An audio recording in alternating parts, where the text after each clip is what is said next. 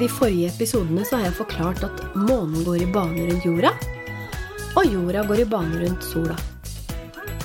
Jorda bruker akkurat ett år på å gå én runde rundt sola. Gjennom den reisen så får vi ulike årstider. Sommer, høst, vinter og vår. Hvilken årstid er din favoritt? Jeg er faktisk veldig glad i vinteren. Men hvis det bare var snø, så hadde jeg nok savna sommeren nå.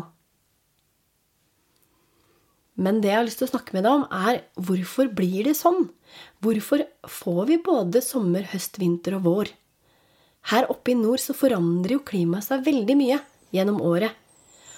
Om våren så smelter snøen, og naturen våkner til liv.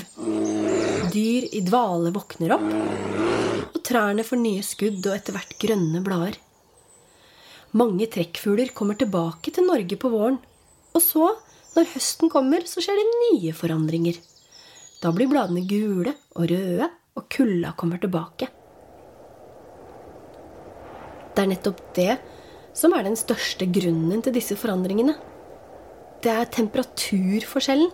Det at det blir kaldt og under frysepunktet på vinteren. Det er det som gjør at blomster og blader visner, og at snøen kommer. Hvorfor endrer temperaturen seg gjennom året? Jo, det har rett og slett å gjøre med det at jordkloden ligger litt på skrå i forhold til sola. Se for deg jorda som en kule, der Nordpolen liksom er på toppen, rett opp. Men så er den faktisk ikke rett opp.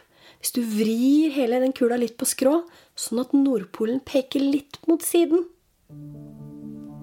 Ser du det for deg? Sånn er det. Jordkloden ligger der ute i verdensrommet. Så når jorda går i bane rundt sola, så vil Nordpolen noen ganger være vendt mot sola. Og da er det godt og varmt her i Norge, og det er lange kvelder, og det er sommer. Men så er det òg en periode når jorda er på andre siden av sola. Da, da er Nordpolen vendt vekk fra sola. Er det kaldt og mørkt og vinteren her. Så det at vi har årstider, det har altså med hvordan jorda er plassert i solsystemet og i forhold til sola. Så vil jeg snakke litt om hvordan året vårt er delt inn. Vi har altså fire årstider. Men så har vi tolv måneder. Vet du hvorfor? Det er altså knytta til månen vår. For det er jo sånn at månen vår går i bane rundt jorda. Og den reisen tar akkurat én måned. Så i løpet av året så reiser månen tolv ganger rundt jorda. Husker du at jeg snakka om månen i forrige episode? Da sa jeg jo det at månen ikke kan lyse selv, men at det er sola som lyser opp månen. Derfor, når månen beveger seg rundt oss, så vil sola lyse litt forskjellig på månen.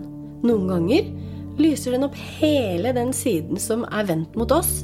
Da blir månen rund og fin og hvit. Mens andre ganger så treffer lyset kanskje litt på siden, og da ser månen mer ut som en halvsirkel eller en banan. Visste du forresten at vi alltid ser den samme siden av månen fra jorda? Hele tiden! Det er fordi at når månen roterer rundt jorda, så snur den samme siden mot jorda hele tiden mens den går rundt. Og derfor så vil vi aldri se baksiden av månen herfra. Faktisk så visste ingen hvordan månens bakside så ut før i 1959. Da ble det sendt opp en romsonde som tok bilder av den andre siden. Og da fant vi ut at månen var ganske lik seg sjøl på den siden også. Helt til slutt har jeg lyst til å spørre deg om du vet hvilke måneder som hører til de forskjellige årstidene. La oss starte med høsten, sånn som vi gjør hvert skoleår. Høstmånedene er september, oktober, november. Så kommer vintermånedene. Det er altså desember, januar og februar. Så er det vårmånedene. Mars, april og mai. Og så kommer den varme sommeren med de lange kveldene. nemlig juni, juli og august. Da tror jeg at jeg har skravla nok om årstider for denne gang, og som du nå kanskje skjønner, så blir vi her på jorda påvirket av alt rundt oss. Og derfor så skal jeg i de neste episodene snakke enda mer om verdensrommet.